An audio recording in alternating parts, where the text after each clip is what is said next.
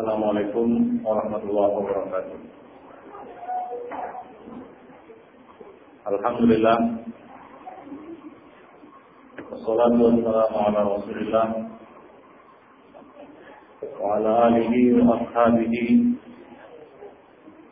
wa man tabi'ahum bi ihsan ila yaumin din. Amma ba'd. Fa inna ahsanal kalam kalamullah وخير الهدى هدى رسول الله صلى الله عليه وسلم وشر الأمور محدثاتها وكل محدثة بدعة وكل بدعة ضلالة وكل ضلالة في النار أخواني في الدين rahimani wa rahimakumullah jami'an. Alhamdulillah pada malam ini kita masih dapat bertemu kembali di majelis yang penuh berkah ini. Kita masih mengkaji kitab Salafiyah Al-Zadah. Terakhir kita menjelaskan tentang penggunaan kata salaf atau salam saleh. Kita sudah jelaskan bahwa istilah as-salam atau as-salam saleh itu semakna dengan nama-nama ahlu sunnah yang lainnya seperti ahlu sunnah wal jamaah atau ibadah mansurah, ibadah najiyah, wal asar, dan beberapa nama-nama sunnah lainnya. Karena semua mengacu kepada titik, yaitu memahami Al-Quran dan Sunnah dengan pemahaman As-Salafus. Oleh sebab itu, menisbatkan diri kepada kata ini, kepada istilah ini, As-salaf menisbatkan diri kepada salaf berarti salafi adalah satu penisbatan yang sah secara syar'i. Sebagaimana seorang menisbatkan diri kepada sunnah, dia mengatakan sunni. Kepada asal, dia mengatakan dirinya asari. Demikian yang terjadi dengan Allah. Tidak ada beda antara keduanya.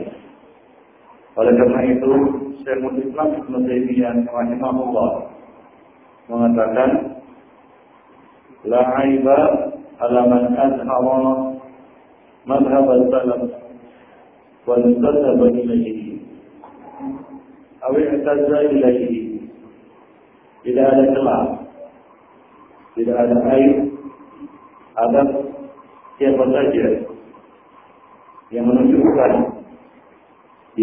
sebagai pengikut mazhab salaf. Ya yang mengislamkan yang menunjukkan dirinya sebagai pengikut mazhab salaf atau manhaj salaf dan menyebabkan diri kepadanya. Wanasaba ilaihi. Mengatakan aku adalah salafi. Awiyatazza ilaihi.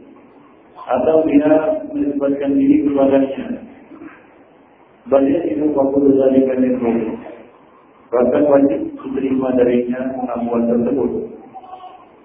Yang wajib diterima pengakuan penisbatan itu kepada dirinya. Fa'inna madhab salaf illa yakun haqqan.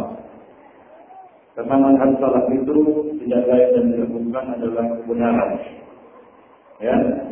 Karena apabila seseorang menyatakan dirinya sebagai pengikut manhaj salaf artinya dia telah menjadikan Al-Quran dan Sunnah sebagai pedomannya dan menjadikan pemahaman salafus saleh sebagai pedoman tujuan di dalam memahami Al-Quran dan As-Sunnah tersebut.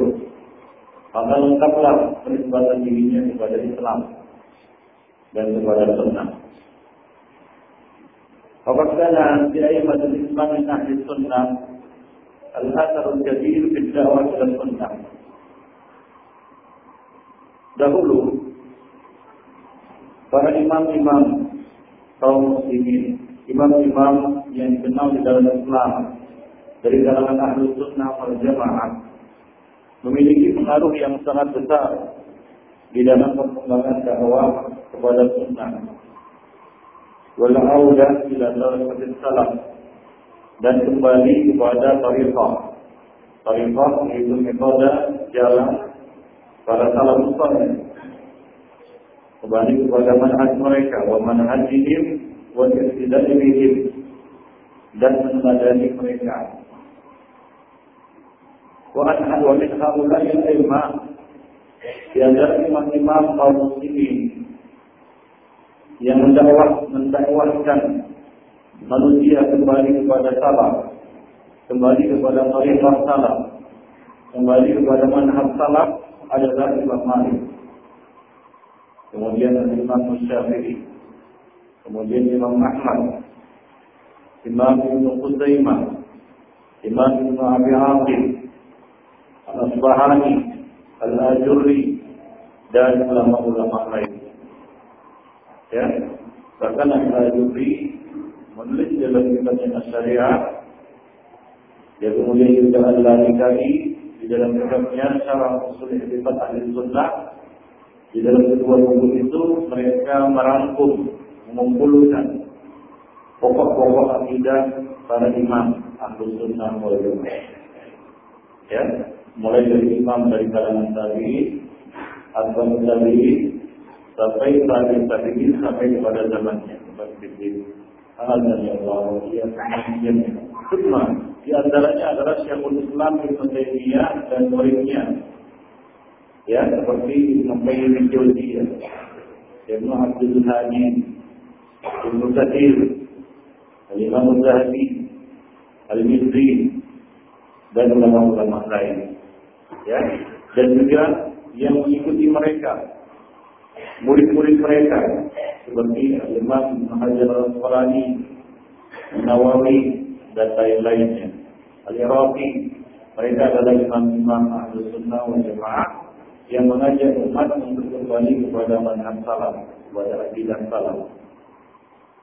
Sunnah Syekhul Islam Muhammad bin Abdul Wahab wa imatul ini. Kemudian setelah itu muncul seorang dai di Jazirah Arab mengajak manusia kembali kepada sunnah.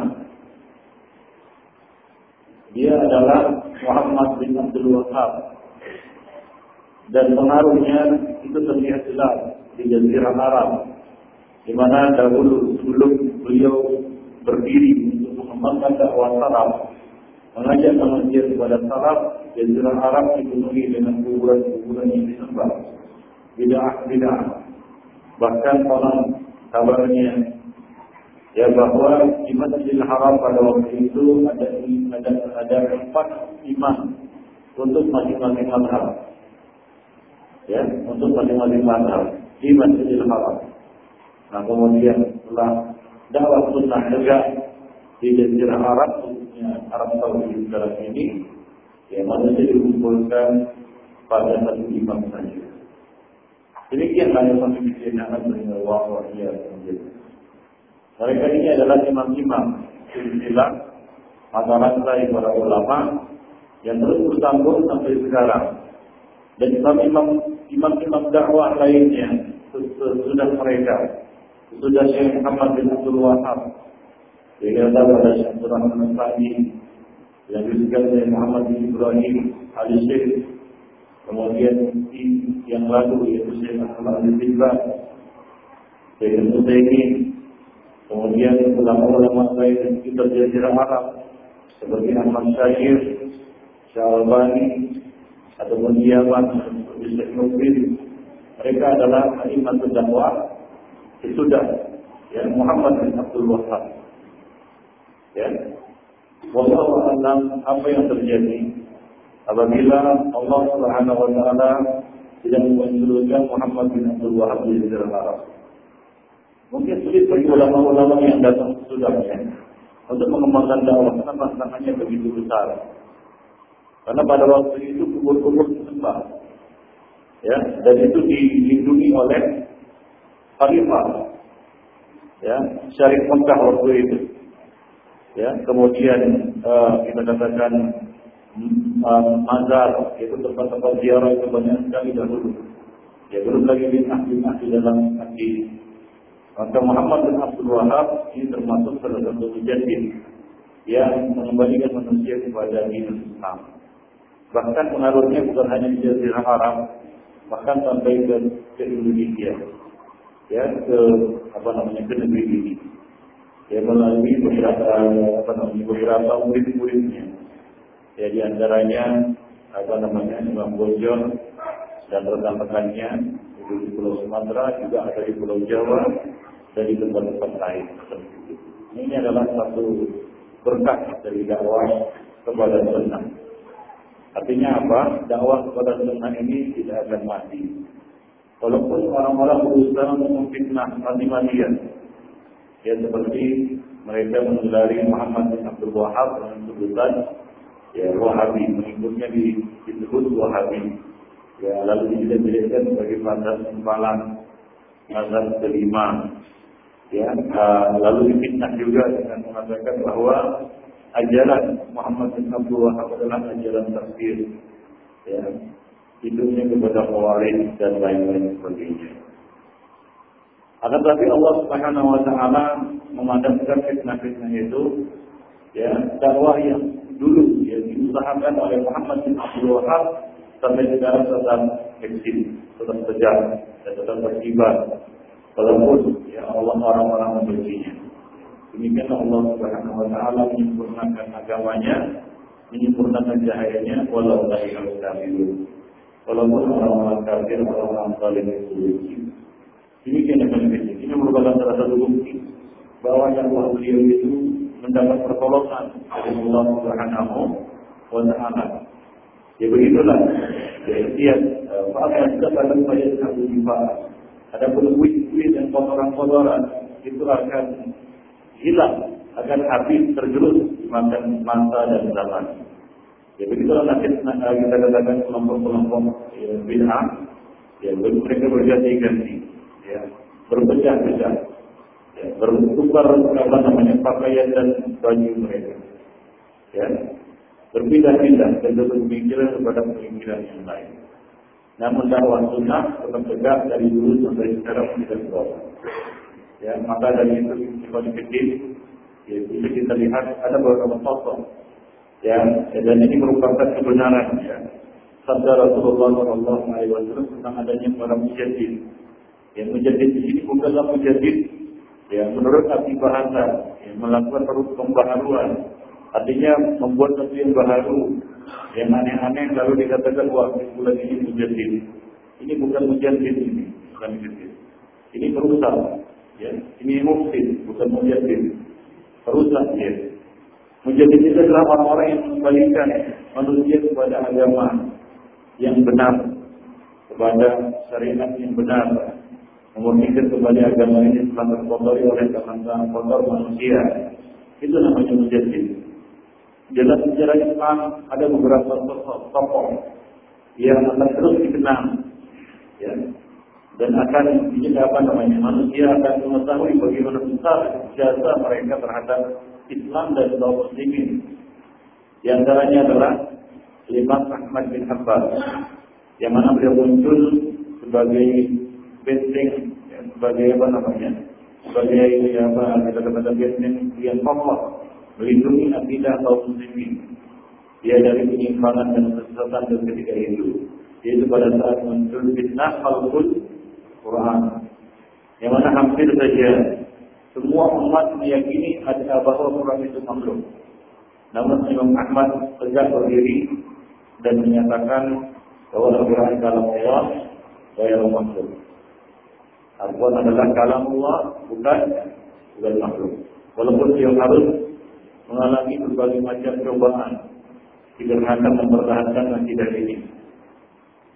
Dia menyebutkan di dalam sejarah dicabut Ya, yang mana campuran itu hanya pantas ditujukan kepada seekor gajah. Untuk menggambarkan bagaimana kerasnya campuran yang ditujukan kepada beliau. Ya, dan beberapa ulama wafat gugur karena mempertahankan akidah tersebut. Itu akidah Al-Quran dan Allah, Khairah, Ini memakan. Hingga kita merasakan ya apa namanya buahnya sekarang ini kita dapat mengenal Al-Quran yang hampir saja awal itu ditinggalkan oleh manusia. Nah kemudian ya, muncul tokoh ya, suatu seorang sosok yang menjaga akidah umat ini yaitu Syekhul Islam Ibn Taimiyah. Ya, di kala munculnya atau maraknya, menjaburnya kelompok-kelompok bid'ah di dalam hal, di dalam masalah mengingkari nama-nama dan sifat-sifat Allah Subhanahu wa taala. Ya, nama-nama dan sifat-sifat Allah Subhanahu wa taala. Ya, bermunculannya kelompok-kelompok bid'ah di dalam bab asma wa sifat seperti Asy'ariyah dan Maturidiyah. Hingga tempat Ahlus Sunnah begitu melekat sampai sekarang masih ada sisa-sisanya bahkan masih melekat di benak kebahagiaan kaum muslimin bahwa yang namanya Ahlus Sunnah wal Jamaah itu adalah Al-Maturidiyah dan Al-Masyahirah, Al-Asy'ariyah. Sampai sekarang. Nah, sebenarnya Syekhul Islam nanti membongkar dan membuka ya tafsir dan menjelaskan kepada umat hakikat sebenarnya mana akidah Ahlus Sunnah wal Jamaah. Ya, beliau dan murid-murid beliau, di antaranya adalah Ibnu Qayyim al-Jauziyah, Ibnu Abdul Hadi, Ibnu Katsir, Az-Zahabi, dan murid-murid beliau yang lainnya, ya tegas menjelaskan akidah yang benar kepada manusia di dalam bab asma sifat. Hingga ya anak-anak keturunan uh, kaum muslimin yang datang sudah mereka, anak-anak keturunan mereka ya dapat mengenal akidah yang benar di dalam bab asma sifat. Hingga kita dapat mengenal Allah Subhanahu wa taala dengan benar sebagaimana yang dikenal ya oleh para salaf kita, pendahulu kita. Sebagaimana telah dikenal oleh uh, Rasulullah SAW dan para sahabat beliau. Yang hampir saja pada waktu itu akidah Mu'tazilah yang mencengkramkan bukunya di tengah-tengah umat ini. Hingga mungkin ya kalau seandainya kalau boleh berandai-andai ya, sosok Ibnu Taimiyah ini tidak muncul pada saat itu, mungkin sekarang ini kita semua adalah mengingkar sifat-sifat Allah Subhanahu wa taala. Bukankah dulu kita ini adalah Anhariyah? Kita belajar di sekolah, akidahnya sifat 20. Sampai akhirnya kita menemukan dakwah ini, kan begitu ceritanya. Kita menemui, menemukan, mendapatkan akidah ini. Ya, dakwah ini, manhaj ini. Hingga kita dapat mengetahui bagaimana Rasulullah berakidah. Meyakini Allah Subhanahu wa taala, bagaimana para sahabat meyakini Allah Subhanahu wa taala, sifat-sifatnya. Dan bab-bab lainnya di dalam bab akidah, usuluddin, seperti bab iman. Ini adalah jasa yang sangat besar yang patut dikenang oleh kaum muslimin dan disyukuri oleh kaum muslimin. Sama halnya Imam Ahmad. Imam Ibn Taimiyah juga tidak luput dari yang namanya fitnah. Beliau berkali-kali masuk keluar masuk penjara. Ya, yang itu lebih banyak disebabkan oleh fitnah yang, di, yang dilakukan ataupun yang dilontarkan oleh ya, musuh-musuhnya terus terusnya. Ya. Kemudian dia berkali-kali diusir, berpindah-pindah, bahkan dia pernah diusir sampai ke Mesir.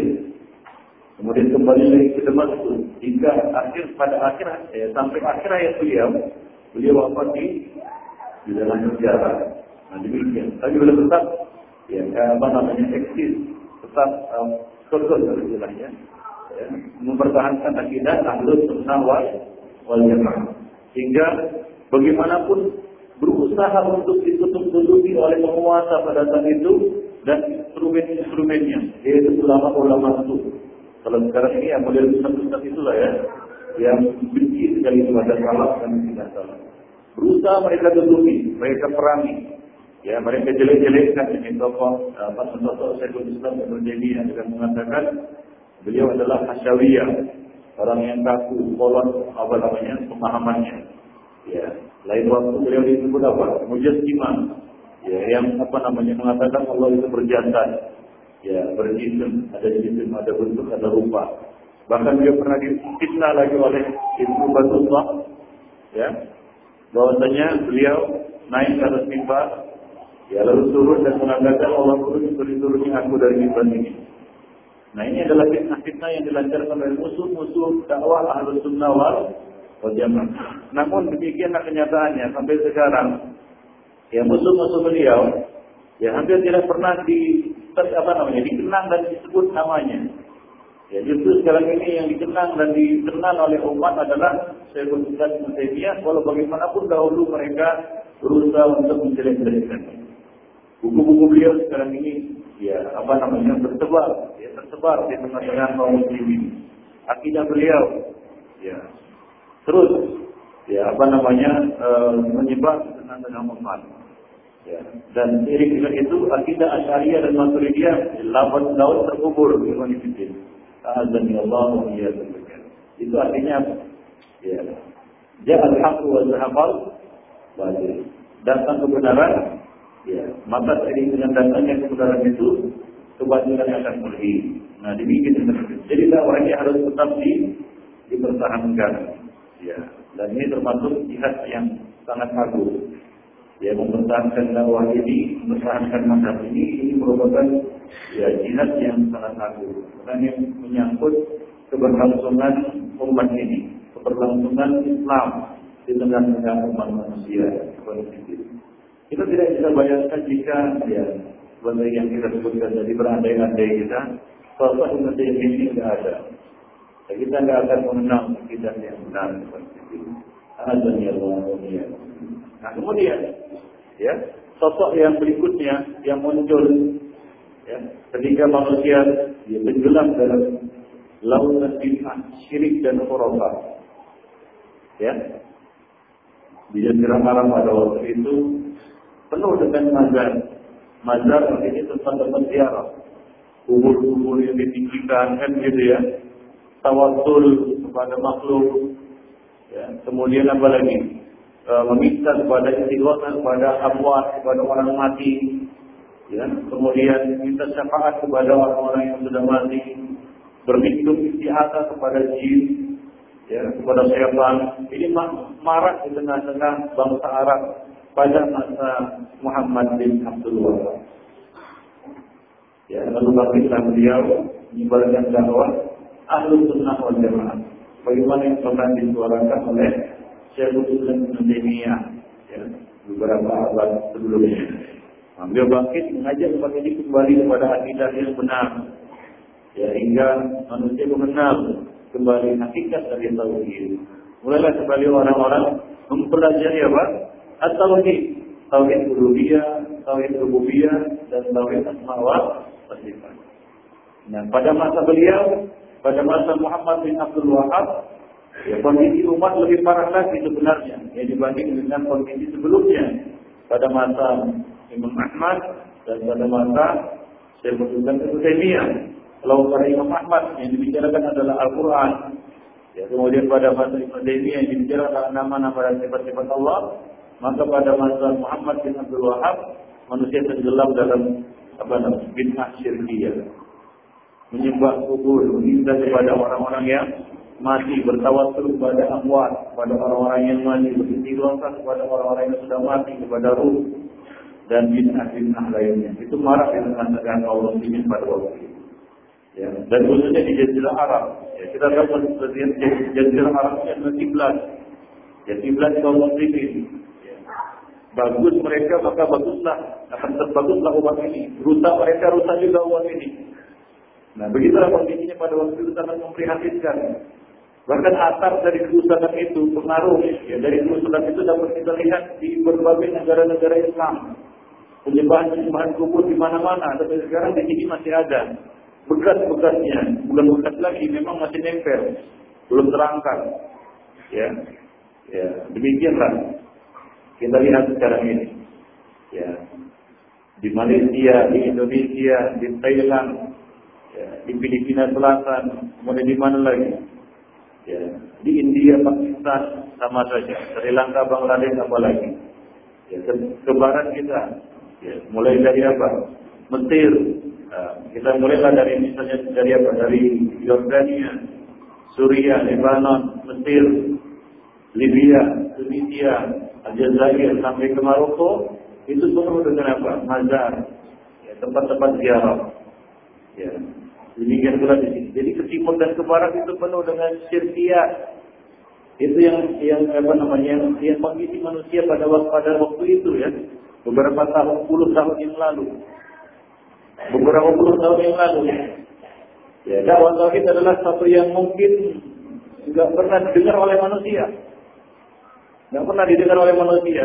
Ya, surah yaitu warisan-warisan berupa buku-buku ulama ulama Islam itu terkubur. Tidak muncul. Yang muncul adalah buku-buku syirkiah buku-buku sufi yang mendukung amalan-amalan syirik tersebut. Itu yang marah di tengah-tengah kaum muslimin pada waktu itu.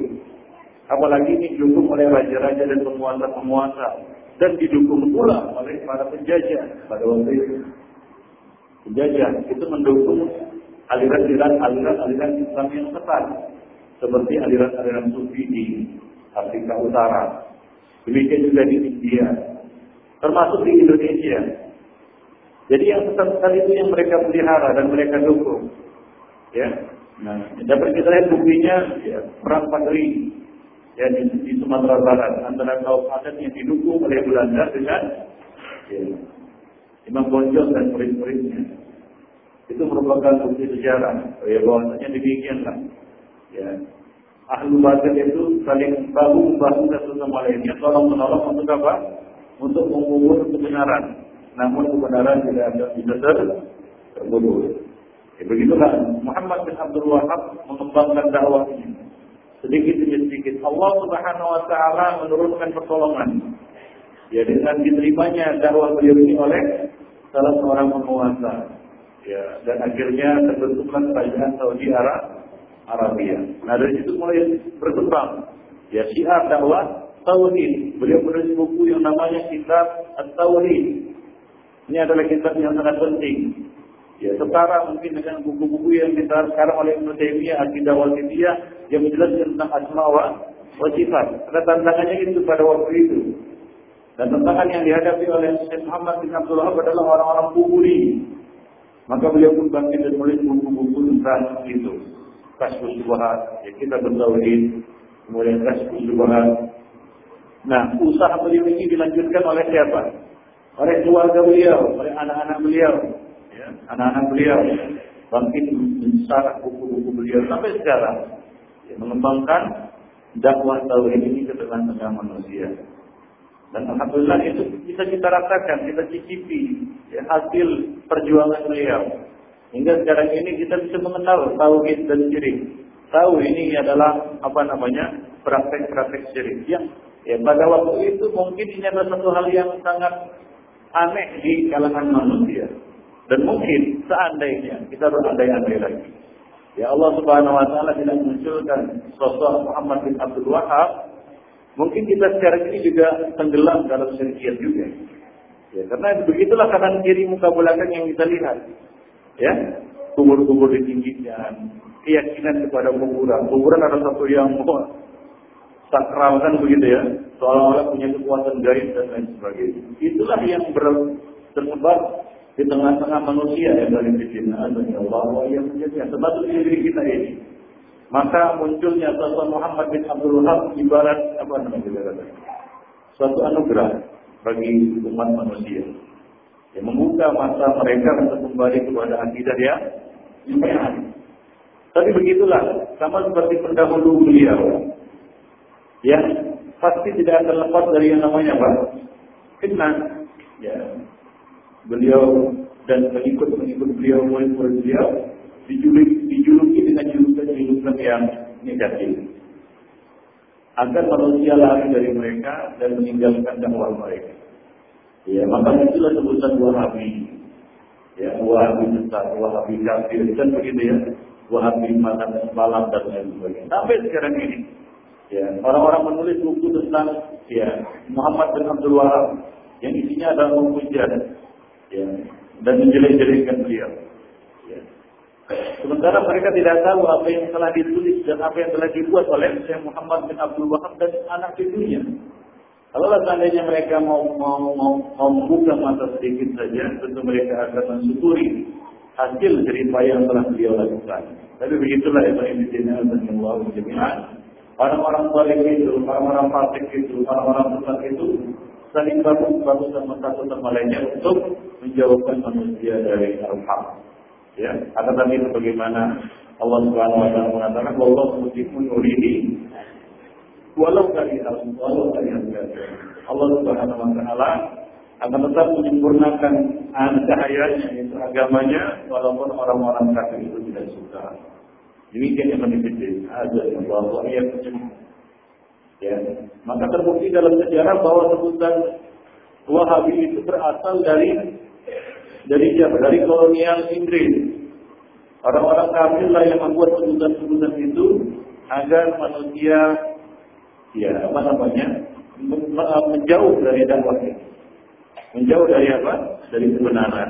Dan terjatuh dalam kesyirikan, kebinahan, yang mana itu merupakan suatu kebodohan. Yang dengan kebodohan itu musuh-musuh Islam dapat dengan mudah mengobrak abrik kaum muslimin. Ya melalui ini, melalui syirik bid'ah ini, coba lihat orang-orang khawarij sekarang ini. Dijadikan sebagai apa? Sebagai batu pijakan untuk orang-orang kafir. Ya, demo-demo yang mana sekarang ini hancur, khobar hancur itu negara-negara ini ini merupakan tahu bagaimana ya dirusak melalui demokrasi, dirusak melalui demonstrasi dan lain sebagainya. Nah itu adalah apa kita katakan salah satu ya ber, kita bukan berkah ya salah satu apa namanya salah satu musibah ya dari ya apa namanya kelompok-kelompok itu. Ya, belum lagi sufinya ya yang apa namanya yang eh, malam terus ya dengan gencar mengembangkan ajaran-ajaran mereka di tengah-tengah kaum muslimin. Nah, demikian yang menjadi dan ya Allah mulia ya. Jadi ya apa namanya musuh-musuh Islam mengetahui ya bahwa dengan kejadian inilah umat ini bisa dikuasai. Ya, bahwasanya dengan tenggelamnya umat ini kepada syirik dan bid'ah ya maka dengan mudah apa namanya musuh-musuh Islam itu akan menguasai Islam, menguasai kaum muslimin dan negeri-negeri mereka. Baik. Dan mereka tahu bahwa dengan ajaran sunnah umat ini akan kuat, akan kembali sebagaimana kekuatan awal yang dimiliki oleh para salaf terdahulu. Nah ini yang tidak diinginkan oleh musuh-musuh Islam. Orang-orang Yahudi tahu persis bahwa kebangkitan kebangkitan Islam itu adalah dengan kembalinya umat ini kepada Quran dan Sunnah dengan pemahaman salafus saleh. Tahu dia, orang Yahudi itu tahu. Ya. Lalu apa yang dikatakan oleh sebagian orang seperti di Tabligh motor, bahwasanya kelompok gerakan salafi ini dapat bantuan dari Yahudi. Itu kan aneh. Ya wajar karena mereka tidak tahu jadi juhala. Ya kita hanya memfitnah bagaimana kelompok-kelompok kita sebelumnya memfitnah pejuang-pejuang sunnah. Ya, nah demikian pula Muhammad bin Abdul Wahab ini Beliau tidak lepas dari yang namanya fitnah juga. Baik. Akan tapi begitulah, ya, sampai juga di sini, ya, ya, kalau kita belajar sejarah, ya, ketika terjadi perang Badri antara apa namanya Imam Bojol dengan kaum Badri, seolah-olah yang keliru dan yang salah di situ adalah Imam Bojol. Ya, masalah menyembah.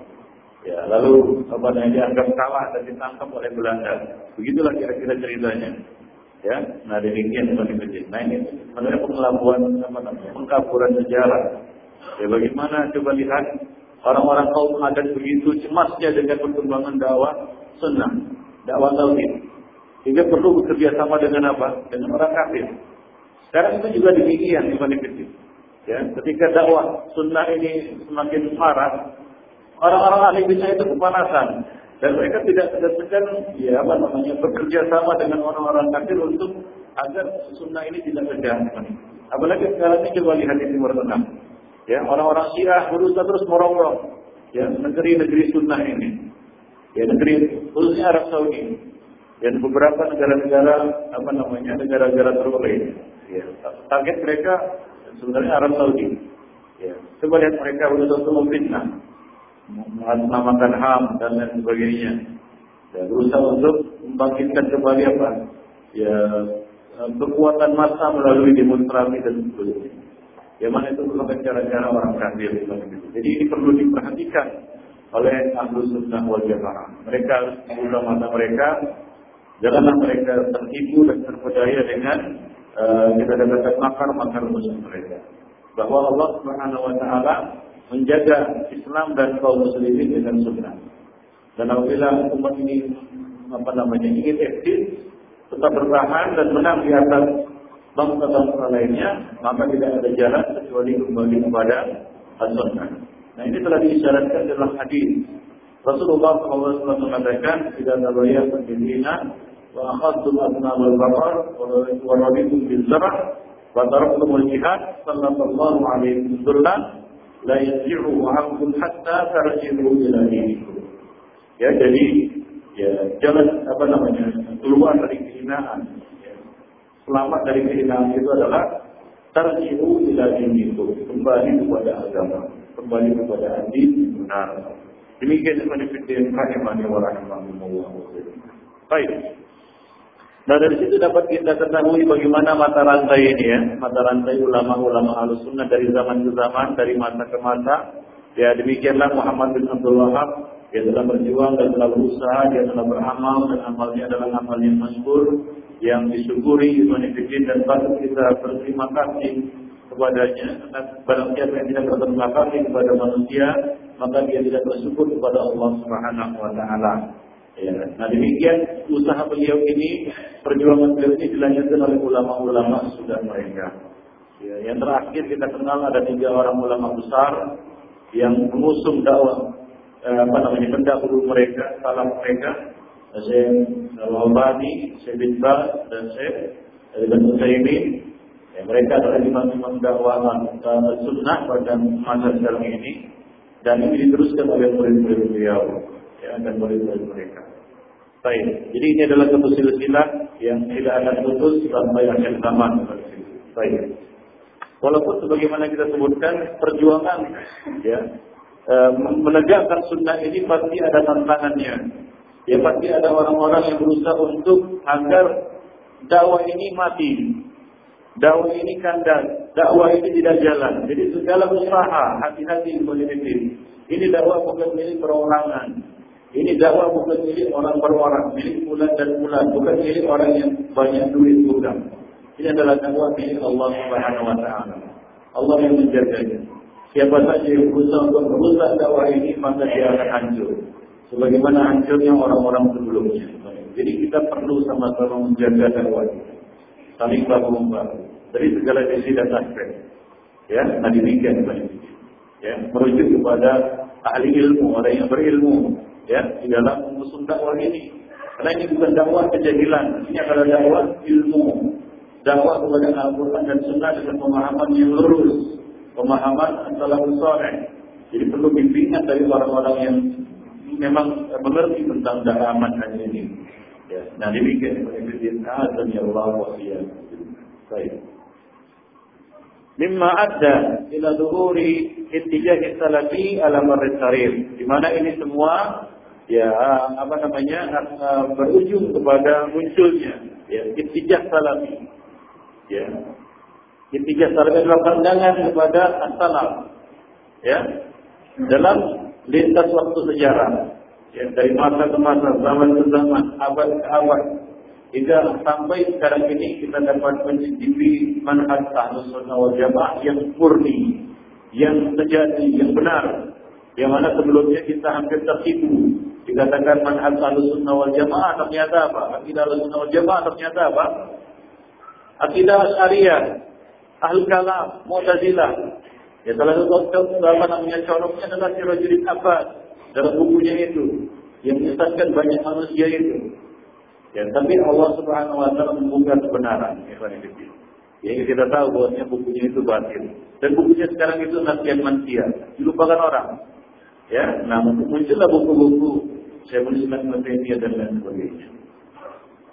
Dan ulama-ulama salah lainnya menjelaskan akidah yang benar. Baik.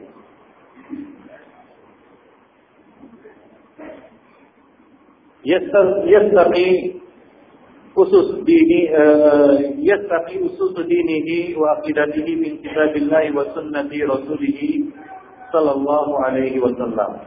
Ya beliau yastaqi usus dinihi ya mendasarkan asas agamanya dan akidahnya dari Al-Qur'an dan As-Sunnah dan dari sirah as-salafus saleh. Ya, dari sirah as-salafus saleh, dari sunnah para sahabat Ya, wa yuqam wa yuqawimu kullu tay kullu tayyarin yadda'i yadda'i yakhruju an hadhihi al-usus. Bid'i ya apa?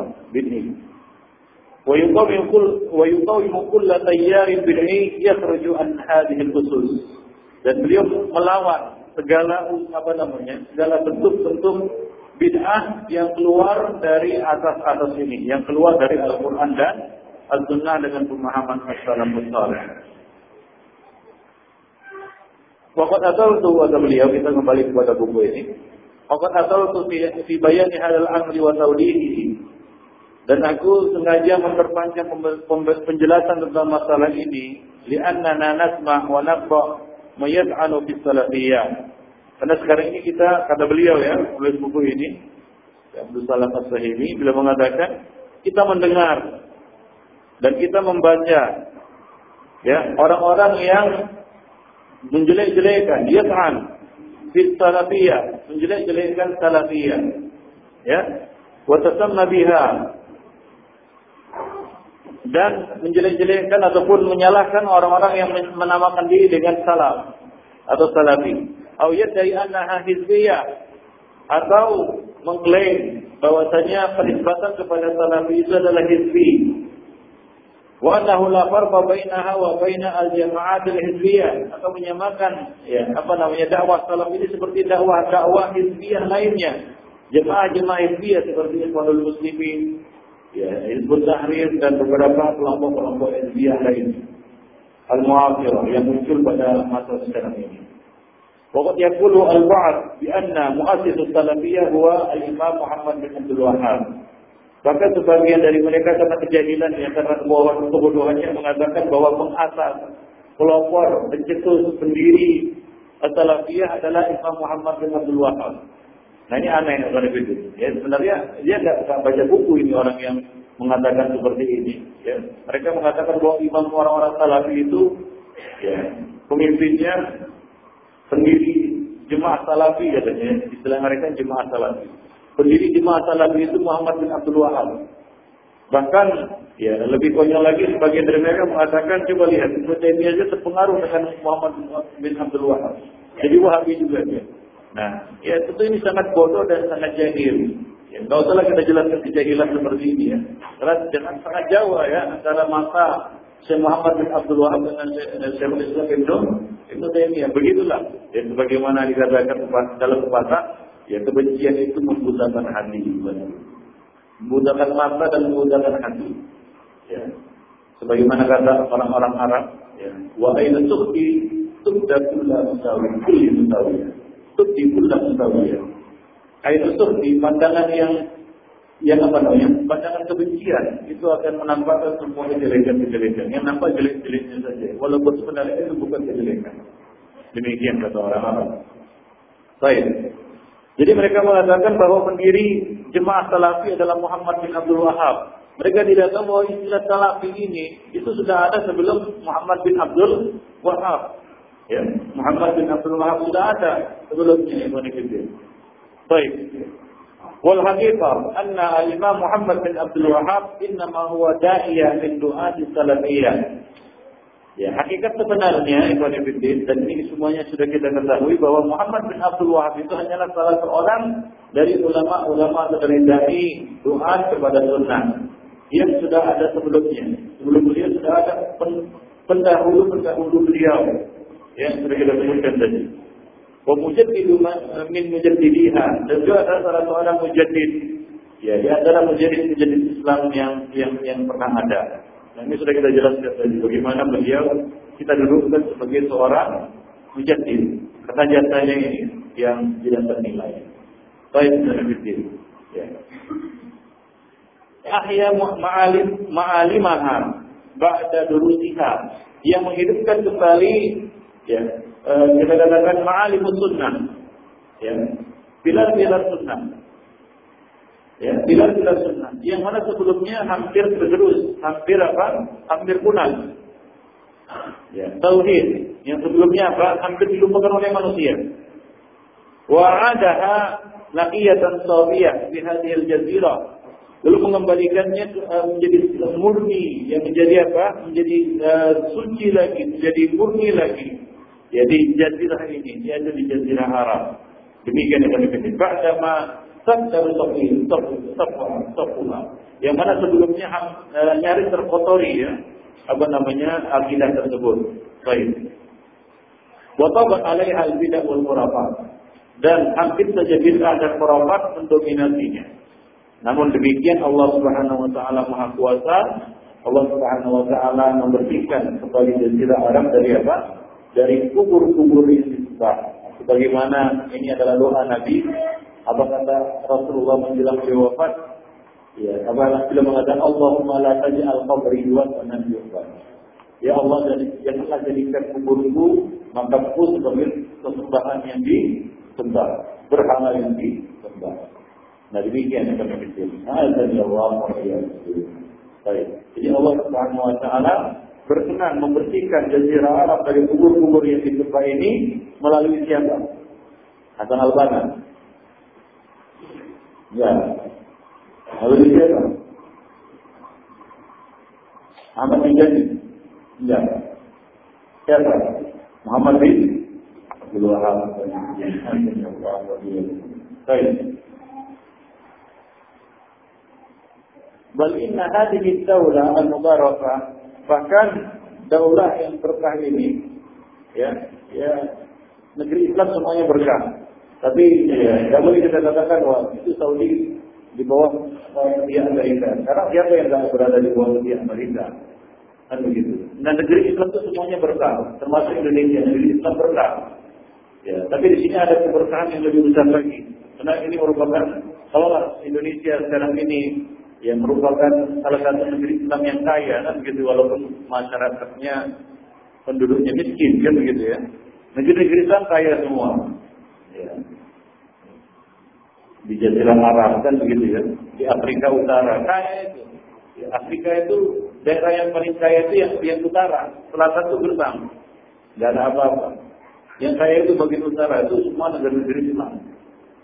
Ya negara-negara Islam itu semuanya membentang di panjang katulistiwa dan itu adalah jalur jalur gemuk sebenarnya. Penuh dengan kekayaan. Ya mulai dari apa? Pantai Gading itu ada teman kita itu kerja di Pantai Gading. Pantai Gading itu apa? Itu pengobaran minyak lepas pantai. Kaya minyak ada di Itu negeri Muslim ini banyak di Singkit itu dari sana. Imam Singkit itu dari apa yang Korimau ya, yaitu dari Pantai Gading. Nah, kita kenal sebetulnya Pantai Gading sampai ke negeri negeri ini kan Indonesia. Penuh dengan apa? Kaya sebenarnya. Nah, tapi di antara berkah itu semuanya lebih berkah lagi yaitu apa? Jazirah Arab, Mamlakah Saudi Arabia yang menjadi apa? Pusat dakwah tauhid. Nah, demikian. Nah, sini dia keberkahannya Baik. Semoga Allah Subhanahu wa taala menjaga uh, apa namanya daulah ini agar tetap bisa menjadi ya apa namanya uh, sebagai uh, yang terdepan di dalam memperjuangkan dakwah dakwah sunnah, dakwah tauhid. Ya, daulah salafiyah wa, wa dakwatuha dakwah salaf, salafiyah. Ya, satu negeri yang berasaskan kepada Al-Quran dan As-Sunnah dalam pemahaman salaf salih. Kama nasa ala dhalika muassisuha Al-Malik Abdul Aziz bin Abdul Rahman Abi Sa'ud. Sebagaimana tadi dicetuskan oleh pendirinya, ya, pendiri kerajaan Saudi Arabia yaitu ya Abdul Aziz bin Abdul Rahman Al Saud. Yaitu qala fi khitabihi alladhi alqaha fi hajj fi hajj ya, yang dalam khutbahnya ya, yang dia sampaikan. Ya ini pendiri kerajaan Saudi Arabia yaitu Abdul Aziz bin Abdul Rahman Al Saud. Dia menyampaikan khutbah ya di musim haji pada tahun 1365 Hijriah. Dia katakan innani rajulun salami itu raja pertama Saudi Arabia. Dia berkhutbah di musim haji ya. Ya, di musim haji tahun 1365 dia katakan innani rajulun salafi. Sesungguhnya aku adalah seorang salafi. Ya. Wa aqidati hiya salafiyah dan akidahku adalah akidah salam. Ya. Wa innani amshi bi muqtadaha al-kitab wa sunnah. Dan aku berjalan di atas konsekuensi dan apa namanya di atas tuntutan, tuntunan ya dari uh, akidah uh, salafiyah ini menurut Al-Quran dan Al-Sunnah. Nah ini dia sebagai penjelasan azani Allah wa Nah itu berdiri dari apa? Dari kerajaan Saudi Arab. Arabia. Baik. Waqala fil khitab bi nafsihi dan dia juga mengatakan ya yaquluna inna wahabiyah Orang-orang mengatakan kita ini Wahabi, kata beliau. Ya. Raja ini mengatakan gitu. Orang-orang mengatakan penduduk kita Wahabi. Ya.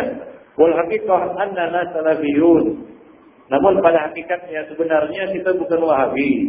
Ya. Tapi kita adalah salafiyun. Kita adalah salam, mengikut manhaj salam. Wa muhafizuna ala dinina yang menjaga nilai-nilai agama kita. Nattabi'u kitab kitab Allah wa sunnati rasulih kita mengikuti kitab Allah dan sunnah Rasulnya. Walaysa bainana wa bainal muslimina illa kitab Allah wa sunnati Rasulih. Tidak ada jarak kita antara kita dan kaum muslimin melainkan dengan Al-Quran dan Al-Sunnah. Dan demikian yang dikerjakan oleh Allah wa Baik. Jadi al-mamlaka kerajaan ini ya itu tegak di atas Islam yang hak yang didasari dengan Al-Quran dan Al-Sunnah ya Alkitabullah dan Sunnah Rasulnya.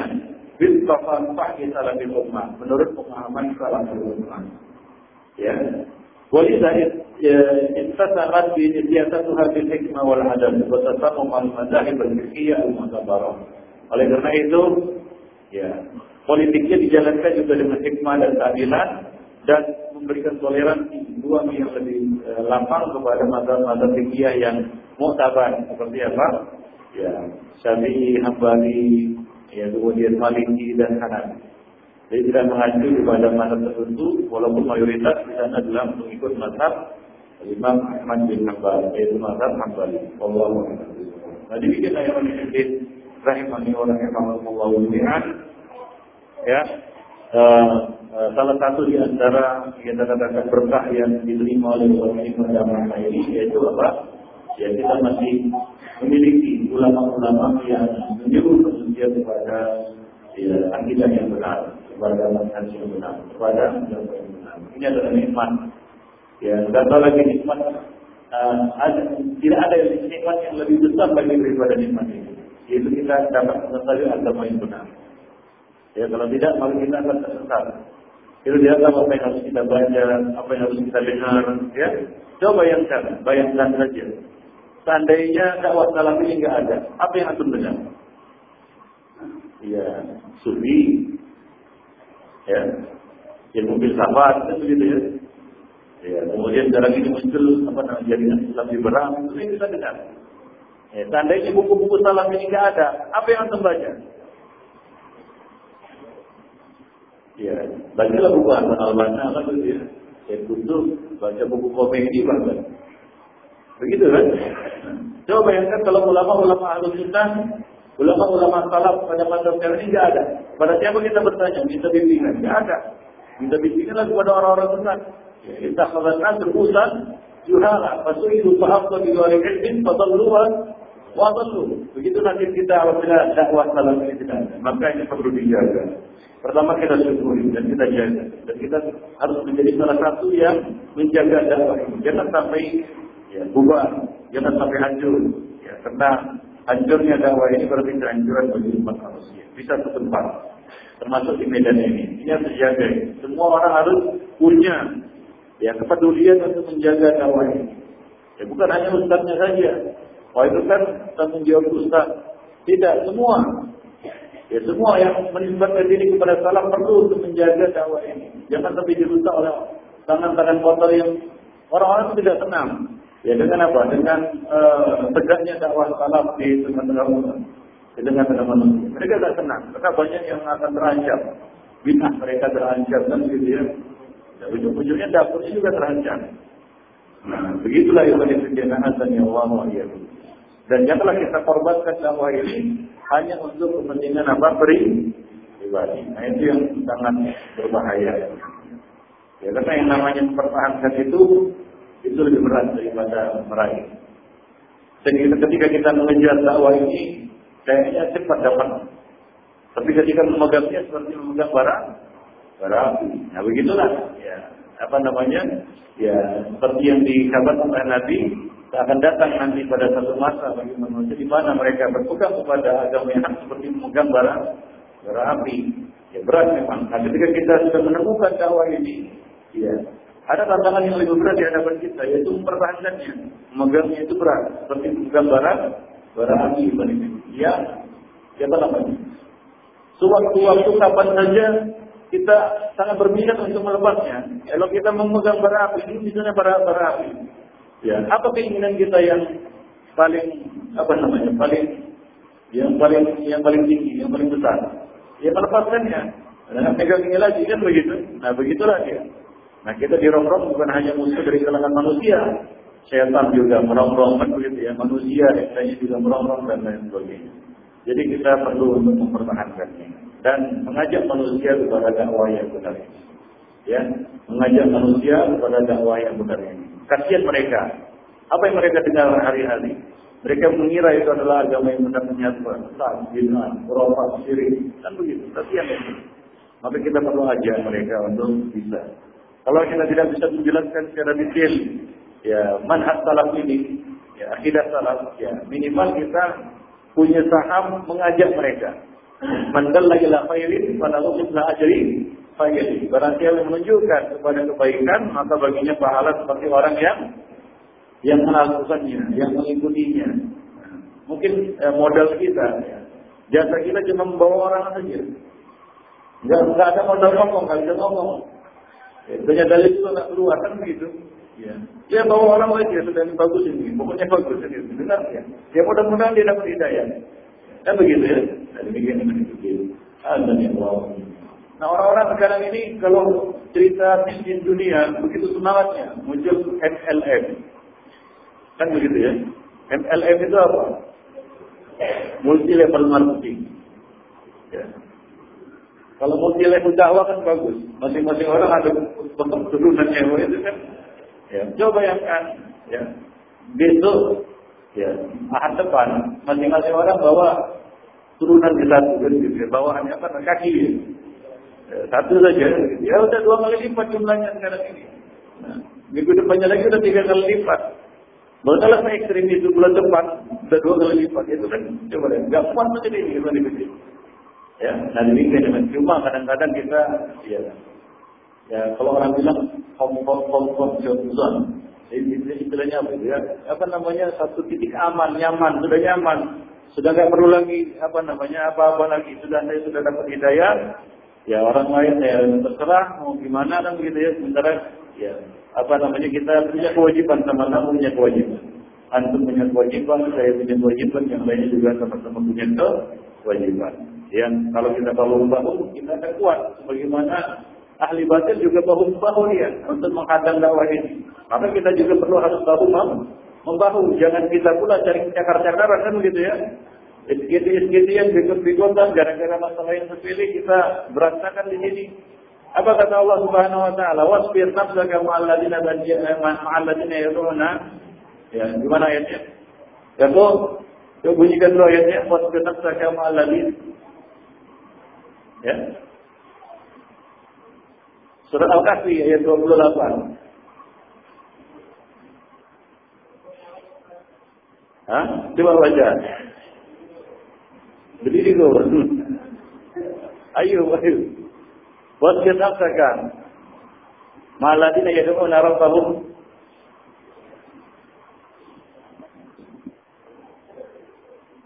Ya, gimana ayatnya? Ya. Lupa. ya. ya, artinya di situ Allah Subhanahu wa taala menyuruh kita bersabar bersama apa? Coba dibuka surat Al-Kahfi ayat 28. Ada yang buka bawah musaf di sini. Coba buka dulu ini. Pak, buka Pak.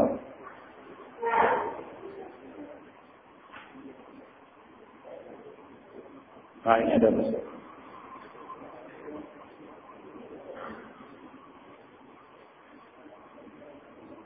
Nggak ada bayar yang bawa. Ya, bunyikan bayar. Baca dulu. Ada, coba sini sini, lama kali. Saya enggak. Wah, di mana nampak saja. ya, baik aja itu tadi. Ada. Coba sini sini.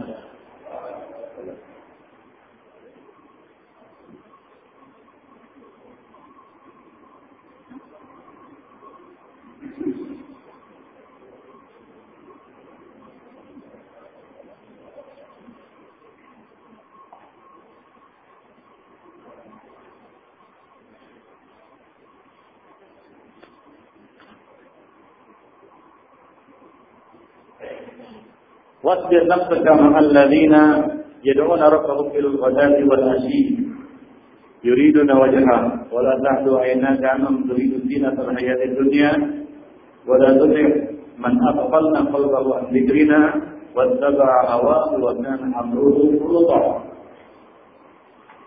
Allah Subhanahu wa taala di sini menyuruh nabinya ya, untuk bersabar bersama orang-orang yang berdoa kepada Rabbnya pagi dan petang.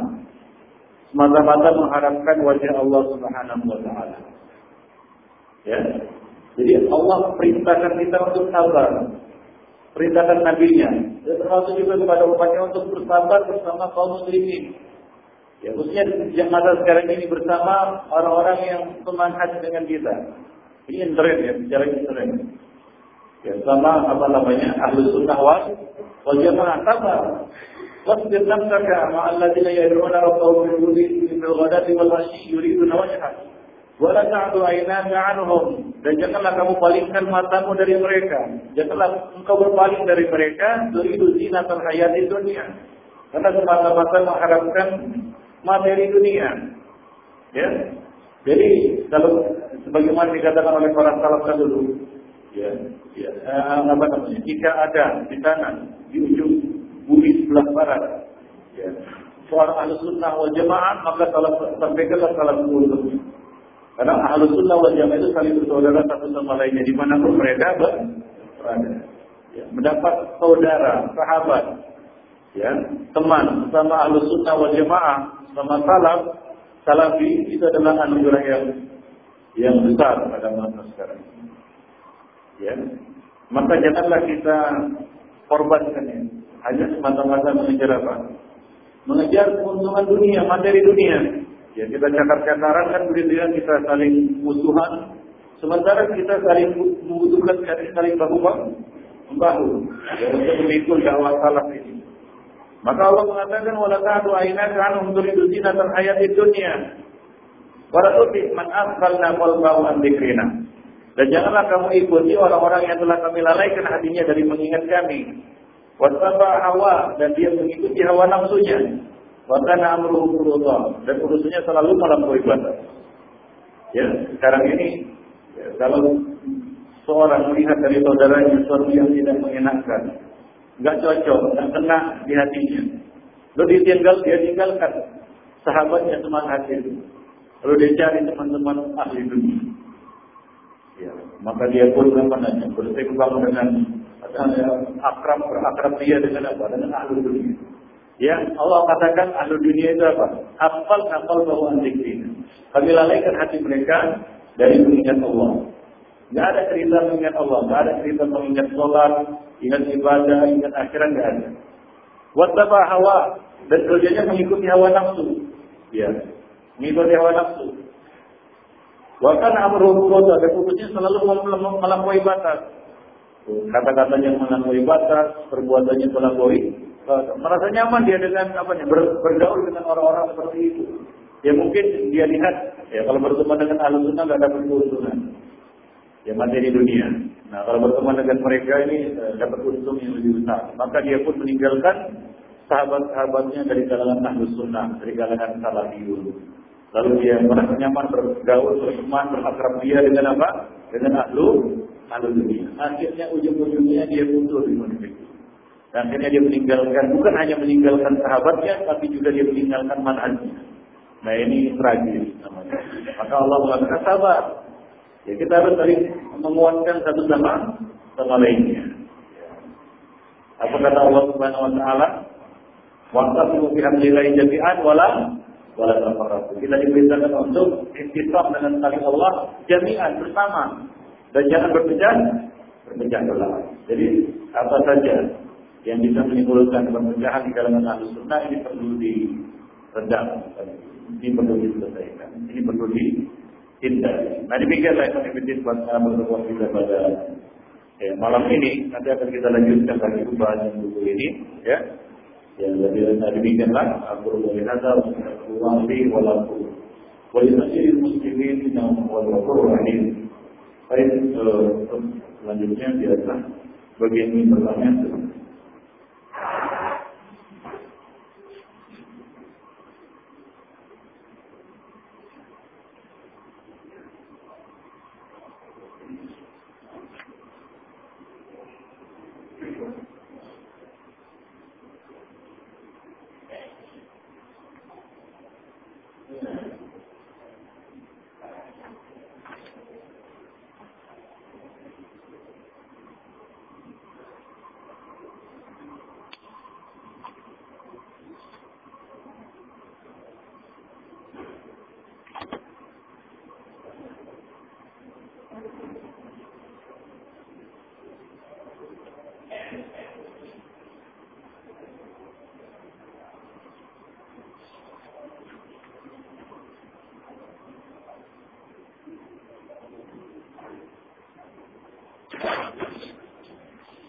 Apakah Imam Syafi'i nasab dengan Rasulullah? Ya, bertemu pada kakek beliau yang ketiga.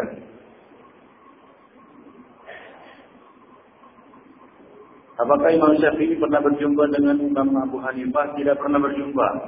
Karena Imam Syafi'i lahir pada saat pada tahun ya di mana uh, Imam Abu Hanifah wafat. Ya. Dan jadi tidak bertemu. Ada yang mengatakan di bulan yang sama. Ada mengatakan bahkan di hari yang sama. Tapi Allah alam lebih tepat pendapat yang mengatakan di bulan yang sama atau di tahun yang sama. Wallahu a'lam.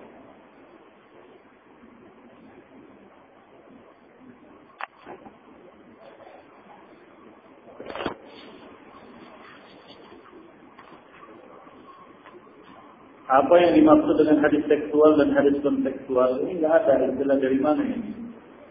Jadi di, di, di cabang ilmu apa? Ya. Nah, di dalam usul fikih ada mantuk, ada mafhum. Mantuk itu adalah sesuatu yang bisa dipahami dari makna teks, ya, dari satu lafal. Itu namanya mantuk. Ada pun mafhum yaitu makna eh, apa namanya kontekstual dari satu nafs ataupun lafal.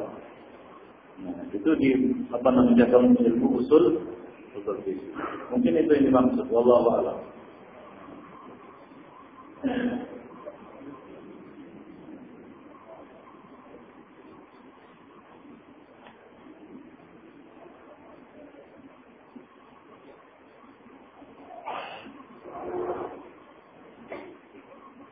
Apakah batasan-batasan yang mengeluarkan seseorang dari ahli sunnah? Apakah dengan mengerjakan beberapa amalan bid'ah seseorang lantas dikatakan ahlu bid'ah? Dikatakan pelaku bid'ah ya, tapi dikatakan ahli bid'ah ya belum tentu. Ya, selama, selama dia masih memegang asas, ya memegang pokok, memegang prinsip Al-Quran dan Sunnah dengan pemahaman salah, karena walaupun seorang itu telah mempunyai prinsip ya, berpegang dengan Al-Quran dan Sunnah dan memenuhi salaf itu tidak jaminan dia terlepas dari apa? Bid'ah. Namun ketika dia pemegang prinsip ini dia dikatakan ahlu sunnah wal, wal jamaah. Jadi perlu diperhatikan pokok-pokok. Ya, poin itu, itu dalam bentuk poin-poin oleh para ulama ahlu sunnah. Nah, pokok-pokok itu yang perlu dipegang, diyakini dan diamalkan hingga dia bisa menjadi seorang ahli sunnah wal Para ulama di sini sudah mengarang beberapa buku. Misalnya kita sedang mempelajari usul sunnah. Ada 50 pokok kan kita ada beberapa pokok-pokok perkara yang perlu diyakini dan uh, diamalkan. ya dipegang oleh orang muslim hingga dia menjadi seorang ahlu sunnah wal jamaah. Baik. Itu dia.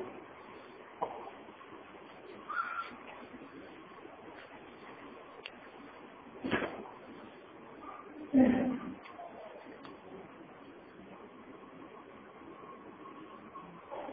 yang melakukan maksiat, apakah telah keluar dari manhaj salaf? Maksiat itu umum ya. Maksiat apa yang dilakukannya? Karena bid'ah juga maksiat, kan begitu ya. Mengingkari takdir juga maksiat. Ya, tapi kalau yang posisi maksiat adalah dosa-dosa kecil, ya, satu dosa-dosa besar, maka tidaklah itu mengeluarkan seorang dari ahlu sunnah wal jamaah, dari lingkaran ahlu sunnah. Ini sebenarnya pencuri. Ya. Maka tidaklah lantas dengan mencuri itu dia dikeluarkan dari ahlu sunnah wal jamaah. Kecuali ya, dia menjadikan mencuri itu sebagai satu agamanya. Nah ini kedua, bagaimana Al-Karamiyah menjadikan bohong sebagai agamanya. Ya. Karamiyah menjadikan bohong sebagai Al-Karamiyah menjadikan bohong sebagai agamanya. Mereka beragama dengan bohong, sebagaimana Syiah beragama dengan Sakiyah. Maka ini bisa jatuh kepada ahli bid'ah. Misalnya seorang meyakini adanya satu yakin begitu ya. Itu akidah Syiah. Maka jatuhlah dia kepada salah satu akidah yang menyimpang, akidah bid'ah. Dan dia bisa jadi keluar dari ahli sunnah wal jamaah dengan itu. Allah Jadi eh, itu dua. Tapi kalau ini maksud adalah dosa-dosa yang, yang besar yang kecil, ya maka itu tidak mengeluarkan seorang dari apa, dari uh, lingkaran ahli sunnah. Saya sering diminta masyarakat untuk menghadiri tahlilan. Baca, baca doa. Gimana cara terbaik menolaknya? Itu Pak bila dia. Tolaklah dengan cara yang terbaik. Dengan cara yang terbaik. Dengan cara yang santun, dengan cara yang... Ini masalah teknis sebenarnya. Gimana kita ngomong, gimana kita berkomunikasi. Ya, tadi Ya, kecerdasan intelektual seorang itu dapat diukur juga dari kemampuan dia berkomunikasi dengan baik. Ya, nah, yang penting adalah ya manusiakan dia, itu dia. Karena kadang-kadang penyakit ya, ya di tengah-tengah kita. Ya, ketika dia sudah memegang kebenaran ini, dia tidak memanusiakan orang lain. Ya, anggap dia manusia, dia coba jadikan dia sebagai cermin kita. Bagaimana kita dahulukan gitu ya. Kita dulu juga mungkin ya apa masternya lah master tahlilan gitu ya Iya, bahkan yang mimpin itu gak akan gak akan apa namanya gak akan dibuka cara tahlilan kecuali kalau kita datang kan gitu ya. Kalau belum datang kan dibuka. Nah dulu kita kayak gitu mungkin. Nah kemudian sedikit demi sedikit kita dapat hidayah. Nah jadi demikian ya hidayah itu pelan-pelan masuknya. Apalagi sekarang ini ini adalah perkara yang sangat apa namanya susah untuk dihapus karena sudah berulang akar dia yang namanya tahlilan ini payah maka perlu dicabut pelan-pelan ya ibarat kalau pohon itu sudah seperti pohon beringin akarnya itu sudah kokoh sekali karena harus cabut pelan-pelan satu-satu gitu ya. Bisa juga ceroboh cuma pelan-pelan lah kan satu-satu. Bukan seperti tumbuhan yang tumbuh kemarin kan begitu? Itu mudah nyabutnya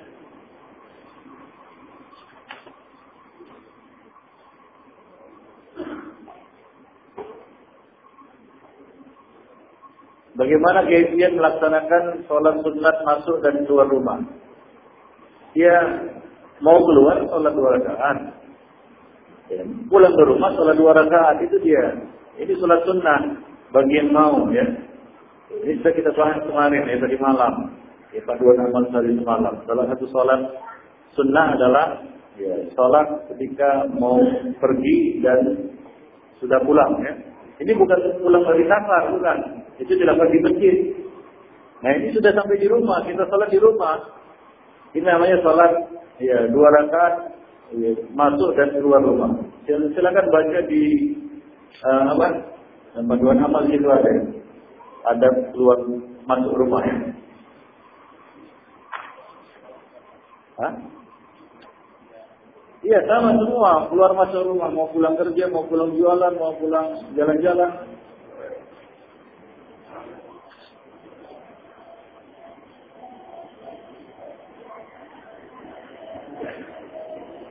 Apakah ada sunnahnya?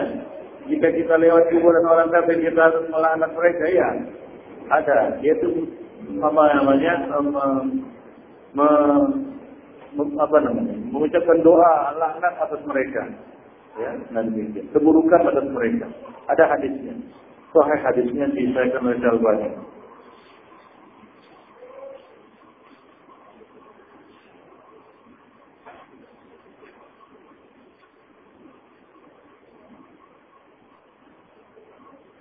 Apakah kita boleh menyandarkan belakang nama kita seperti Ahmad Salam, Ahmad Salami? Kalau tanya boleh ya boleh saja, tapi larang. Ya, cuma hindari tasbiyat nufus, apa namanya? Merekomendasi, ya, memuji diri sendiri. Ya, nah demikian. Nanti jatuhnya ujung kan. Ya, jadi kalau nggak ada hajat ya sebenarnya nggak perlu juga kan begitu ya. Tapi kalau ada hajat bisa untuk menjelaskan atau membedakan. Tetapi itu boleh bahkan jadi bisa jadi wajib dan begitu. Baik.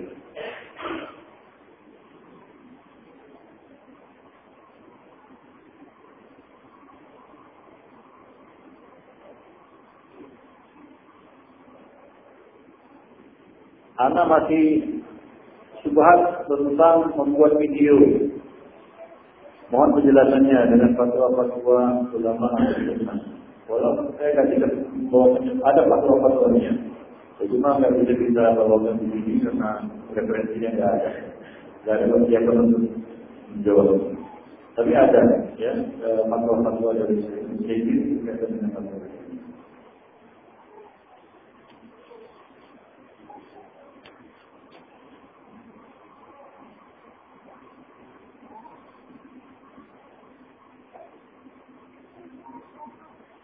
Apa perbedaan mazhab dan manhaj? Sebenarnya sama saja. Ya, mazhab itu manhaj. Ya, cara paham sama. Ya, hanya, saja ya, penggunaan istilah mazhab itu lebih kepada masalah-masalah fikih ya. Ya tidak kepada masalah-masalah akidah. Walaupun ya masalah akidah sebenarnya juga bisa disebut mazhab. Ya, nah demikian. Allah Jadi tidak ada perbedaan yang signifikan antara keduanya.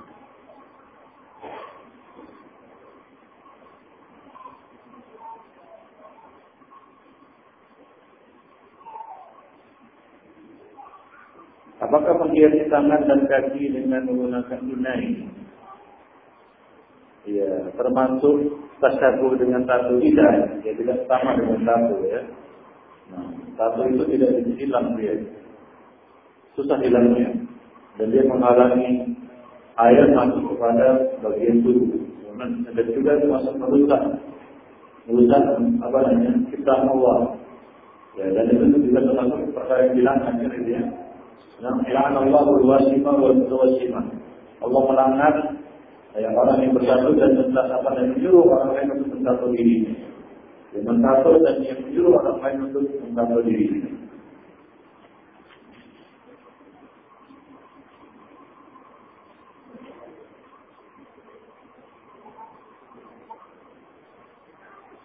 Ini tanggungan nanti. Ya, sama-sama ini. Bagaimana kalau di kuburan kafir itu ada dikubur ibu kita, nenek kita yang meninggal dalam keadaan kafir? Ya, ya. Ikhwan fillah azan Allah. Ya, selesai urusannya. Ya, apa namanya? Jika seorang itu mati dalam keadaan kafir, la bainahum yang itu wala yatasa'al. Tidak ada hubungan nasab lagi pada waktu itu dan mereka tidak akan saling tanya menanya lagi. Antara ayah dan ibu kalau memang beda agama ya sudah selesai. Di dunia kita masih diperintahkan. Nabi mengatakan dia kepada apa namanya Asma binti Abi Bakar ketika kalau tidak saya binti Abi Bakar ketika datang ibunya yang masih musyrikah ya dan siapa yang punya hajat kepadanya maka Nabi mengatakan begini itu sambunglah sekali silaturahim dengannya. Selama dia masih hidup orang tua kita yang masih kafir, kita harus menyambung tali silaturahim ya. Tapi kalau sudah mati selesai urusannya. Ya. Kalau anta wa bainahum yawman ini wa la tidak ada lagi hubungan nasab dan tidak ada lagi saling tanya menanya nanti di akhir di akhirat. Selesai urusannya.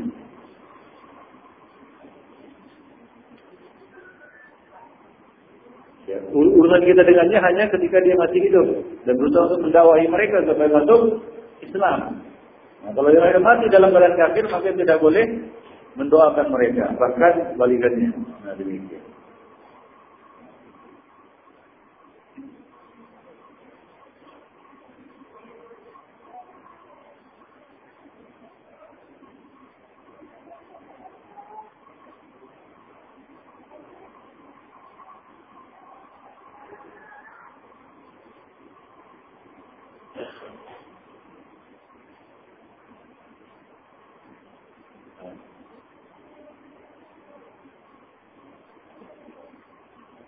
Tapi Kanifidin sudah berkunang-kunang, nggak bisa baca lagi. ya, saya bermasalah ya perlu pakai kacamata. Tak terbaca lagi. Ini sudah. Ya demikian saja Kanifidin.